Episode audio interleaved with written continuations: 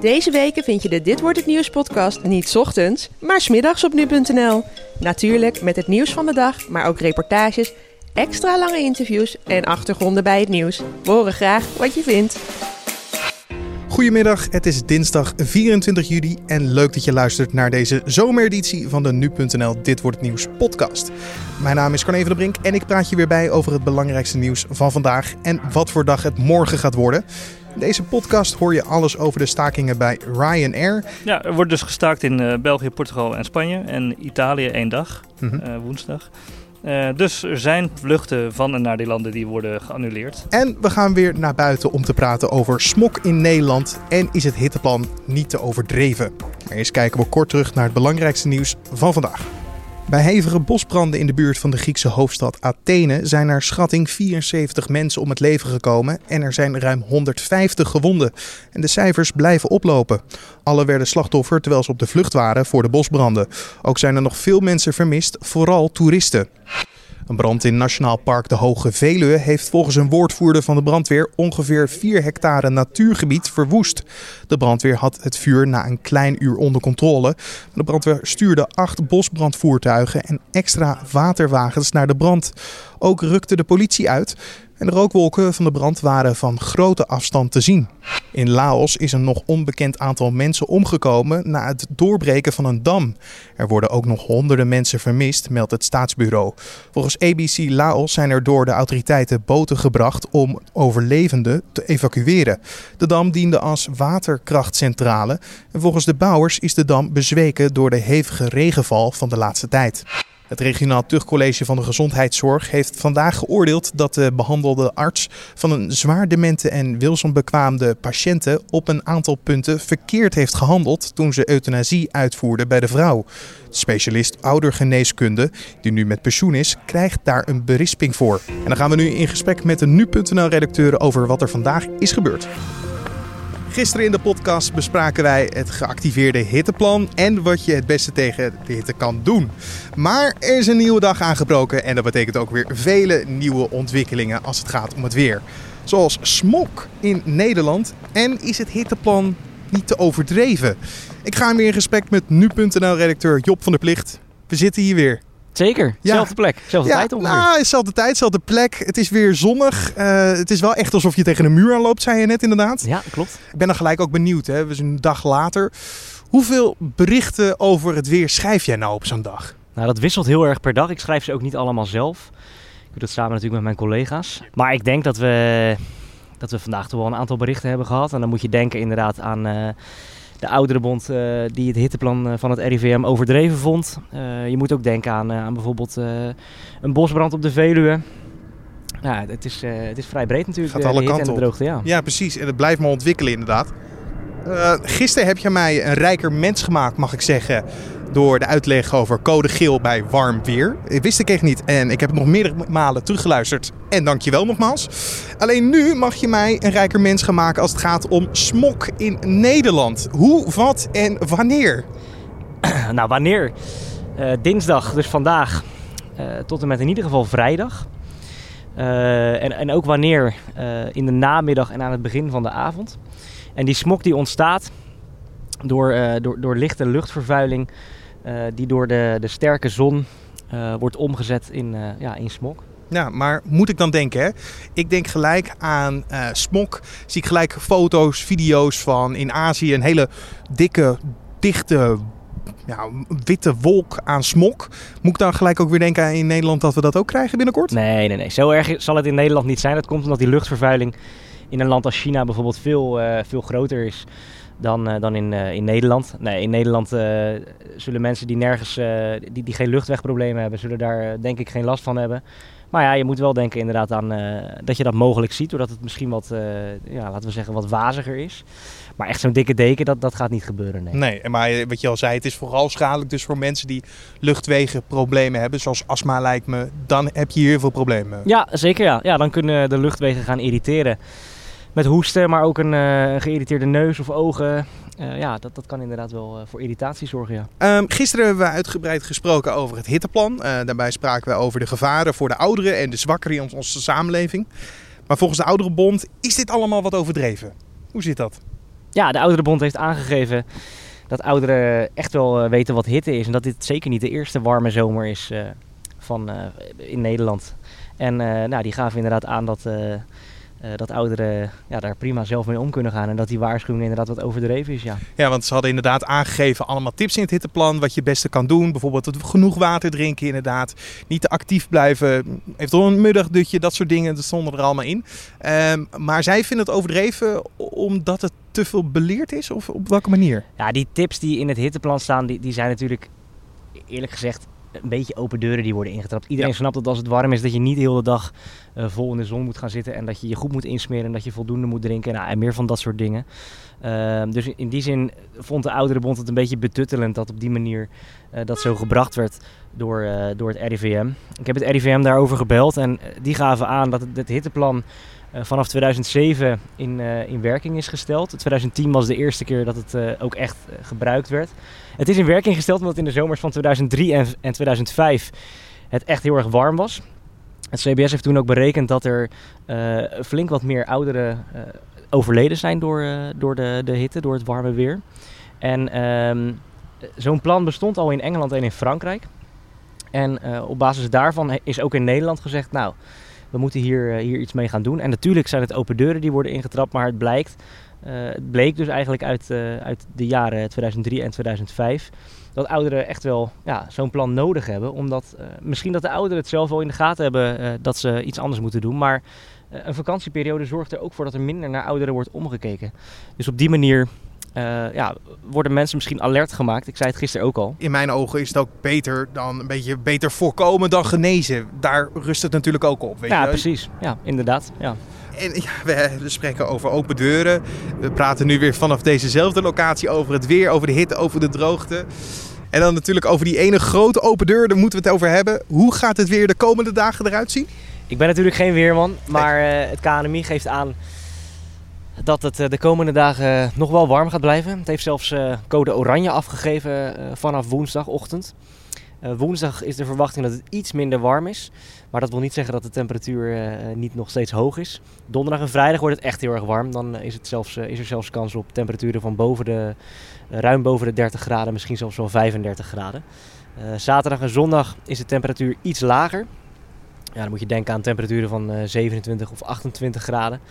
Maar het blijft dus zeker nog wel warm, ja. En wat voor berichten er morgen weer allemaal op nu.nl verschijnen over bosbranden, hitte, droogte of wat je het beste er tegen kan doen. Ja, dat is morgen weer. Dat is morgen weer, ja. Tienduizenden reizigers hebben in Europa deze week last van stakingen bij Ryanair. De acties van zowel het cabinepersoneel als de piloten draaien om arbeidsvoorwaarden. Wat is er gaande bij deze prijsvechter en wat zijn de huidige gevolgen? Daarover praat ik met Thomas Moerman van de Nu.nl economie-redactie. Fijn dat je er bent. Hey. Ja, want wij gaan praten over de gevolgen en hoe deze stakingen eigenlijk zijn ontstaan. Want ja, hoe is dit allemaal ontstaan? Ja, zoals je al zei, uh, uh, waren eerder deze maand stakingen van Ierse piloten en dan woensdag en donderdag ook van het cabinepersoneel uh, in Spanje, België en Portugal. Italië doet uh, ook mee, die doen het alleen op woensdag. Maar eigenlijk begon het al vorige zomer, 2017. Toen uh, moest uh, Ryanair 20.000 vluchten schrappen. Uh, ze zeiden door roosterproblemen. En veel piloten dachten dat het iets mee te maken had dat het, mensen weggingen of ja, dat er gewoon te weinig personeel was. dat, hebben, dat moment hebben zij aangepakt om zichzelf beter te organiseren. toen volgde er weer een staking, of er dreigde een staking in december, rond de kerst. Ehm, dat heeft Ryanair weten af te wenden, maar wel op voorwaarde dat ze voortaan wel met de vakbonden praten. En dat deden ze eigenlijk daarvoor nooit. -hmm. Want dat is wel het ding, hè? Want het is, niet de eerste staking. Je beschrijft deze situaties vorige zomer inderdaad uh, vanwege pilotentekort.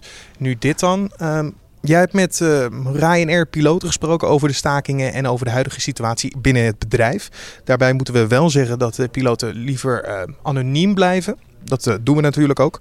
Maar je kan wel een beetje hun verhaal beschrijven, toch? Ja, het is uh, vrij interessant omdat het een vrij wisselend beeld geeft. Um, aan de ene kant toont het aan dat als je op je plek zit, dat het uh, niet echt een probleem hoeft te zijn om piloot bij Ryanair te zijn. Maar als je niet op je plek zit, als je niet op een, uh, bij een fijne basis zit, als je wordt overgeplaatst naar een andere basis, wat ook zomaar kan bij Ryanair, dan is het moeilijk om daar tegen te protesteren en wordt het mensen ook wel moeilijk gemaakt. Daarnaast worden overuren niet betaald. En een bekend voorbeeld is vaak, dat uh, hoor je vaker, dat mensen moeten betalen voor hun eigen water en, uh, en koffie. En dat lachen ze eigenlijk altijd wel weg. Omdat dat vinden ze niet, niet het grootste probleem, laten we maar zeggen. Nee, want dat kunnen ze dan wel op een andere manier van thuis meenemen. Bijvoorbeeld. Ja, flesje water mee. Ja. er zijn heel veel oplossingen daarvoor. Maar wat ik vooral interessant vind is het eerste wat jij zegt. Dus over het vrijregelen, de klachten. Hangt er, hangt er een soort angstcultuur binnen het bedrijf dan? Nou, je moet natuurlijk oppassen met dat claimen. Uh, dat woord is wel vaker gevallen. En ook weer niet. Dus door, door mensen die er wel naar hun zin hebben. Er doen inderdaad wel die verhalen de ronde. Dat... Precies, want jij hebt dan dus uh, piloten gesproken van Ryanair. Uh, de ene zegt, ik ben blij met mijn huidige situatie, hoe ik werk. De ander zegt, nou, ik, heb, ik deel de kritiek wel. Hoe kan het dat er zo'n verschil tussen zit dan? Nou, wat ik zeg, dat als je uh, gewoon op je plek zit, als je een fijne uitvalbasis hebt, dan is, dan, ja, dan is er weinig te klagen. De salarissen, heb ik gehoord, zijn ook uh, niet vreselijk voor piloten. Ja. Cabinepersoneel is een ander verhaal. Hè? Uh, als we naar Eindhoven kijken, dan gaat het vaak om mensen die niet uit Nederland komen. Dus moet je voorstellen, ja, Portugal of andere landen waar de lonen lager liggen. Die gaan dan naar Nederland. Uh, en volgens de vakbond FNV uh, komt het voor dat veel van het cabinepersoneel op kamers woont om de kosten te drukken. Uh, et cetera. Maar dat is niet, uh, dat, dat zei je ook al, dat hoeft niet alleen maar met Ryanair te maken heeft. Het verschil tussen de piloten en cabinepersoneel, dat is een beetje luchtvaartbreed, toch? Tuurlijk, ja. ja. ja je hebt gewoon uh, minder opleiding nodig. Scholing inderdaad, ja. heb je mee te maken. Maar het, het, het, interessante is wel van deze situatie, als je naar de arbeidsvormen kijkt en nu de hele verhalen die de ronde doen, kijk je wel naar of prijsvechters in deze tijd nog wel haalbaar zijn. Ja, ik, ik denk van wel. Uh, EasyJet uh, is een vergelijkbare maatschappij natuurlijk, ook een prijsvechter. Die heeft ook last gehad van stakingen. Uh, die hebben een nieuwe CO afgesloten en het gaat vrij goed met ze, de laatste cijfers in ieder geval. Dus er is zeker mogelijkheid. Maar ja, Ryanair weet dit altijd zo, hier altijd zo ver in te gaan. Uh, door nooit met vakbonden te spreken, et cetera. Dat het ja, nu wel een ding wordt. Uh, het zou ook te maken kunnen hebben met de economie. Er is natuurlijk meer werk. Uh, dan is het makkelijker voor mensen om ergens anders heen te gaan. Of in ieder geval dreigen dat te doen. Ja, en dan heb je eigenlijk al de situatie zelf gecreëerd misschien om daar dan niet op in te gaan. De stakingen draaien nu allemaal rond die arbeidsvoorwaarden. Wanneer zullen eigenlijk de desbetreffende partijen wel rond de tafel gaan? Je zei dat het moeilijk is, maar is daar zicht op? En ze zijn dus om tafel. Dat okay. is, sinds december is dat gebeurd. Mm -hmm. Sinds dus die dreigende staking rond de kerst. En uh, nu merk je dat mensen eigenlijk uh, ontevreden zijn met de voortgang die er wordt geboekt de Nederlandse pilotenvakbond VNV, die, uh, die zegt ook de gesprekken zitten muurvast. FNV, die dan opkomt voor het cabinepersoneel, die wilde nog niet praten over staking, maar die zei wel dat het, uh, ze zien wat er gebeurt in de rest van Europa en zouden de boel in de gaten en het wordt een interessant traject. Zei ja, precies.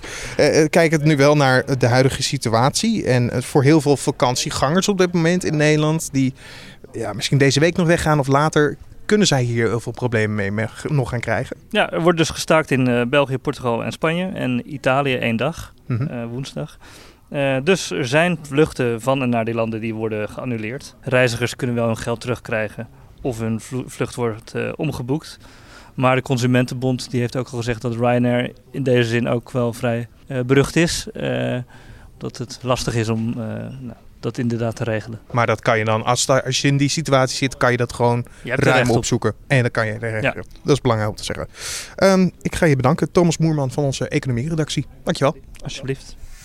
Dan gaan we kijken naar de dag van morgen. Oftewel, dit wordt het nieuws. De rechtbank in Den Haag komt woensdag mogelijk met een eindoordeel over het geweld dat militairen toepasten bij de beëindiging van de Molukse treinkaping bij de Punt in 1977. De kans bestaat ook dat de rechtbank meer informatie wil en opnieuw met een tussenvonnis komt. Ook in de zaak van Patricia Pai tegen Geen Stel komt de rechter met een uitspraak. De zaak draait om de video waarin te zien is dat Pai plasseks heeft met een man. De tv-persoonlijkheid en voormalig zangeres heeft de website voor de rechter gesleept voor het verspreiden van het filmpje. Ze eist 4,5 ton schadevergoeding. In het gebied tussen de Rijn en de Maas mag vanaf woensdag overdag niet meer worden gesproeid met oppervlaktewater. Bewoners mogen geen water uit sloten en vaarten halen voor het sproeien van de tuin of hun landbouwgrond. Het verbod geldt van 9 uur s ochtends tot 6 uur s avonds, omdat de verdamping overdag het grootst is. Jean-Claude Juncker reist naar Washington voor een gesprek met Donald Trump. De Amerikaanse president ontvangt de voorzitter van de Europese Commissie in het Witte Huis om de samenwerking te bespreken. De transatlantische relaties verkeren in zwaar weer nu de Trump-regering de heffingen op staal en aluminium sterk heeft verhoogd en dreigt met meer tariefstijgingen. De VS wordt onder de grillige president niet meer als betrouwbare partner gezien. Trump noemde de EU eerder zelfs een vijand. Ajax opent woensdagavond in de arena de jacht op een Champions League ticket. De Amsterdammers spelen thuis tegen Sturm Graz. En volgende week is de return in Oostenrijk. Mocht Ajax doorgaan, dan moeten nog twee voorrondes overleefd worden om voor het eerst sinds 2014 weer in het miljoenenbal te mogen uitkomen. Goed nieuws voor Ajax is dat nieuwkomers Daley Blind en Dusan Tadic kunnen spelen, maar de vraag is of het tweetal fit genoeg is voor een basisplaats. En dan nog even het weer. Vanavond en vannacht trekken vanuit het zuiden enkele wolkenvelden over het land. Zeer lokaal kan een regenbui vallen. Het wordt een warme zomeravond met nog temperaturen van 20 graden en aan zee tot lokaal 25. De komende dagen blijft het tamelijk zonnig en heet met maxima die bijna overal 30 graden en lokaal zelfs 35 graden gaat halen. Zeer lokaal vond er misschien ook nog later op de dag een onweersbui. En dan nog dit.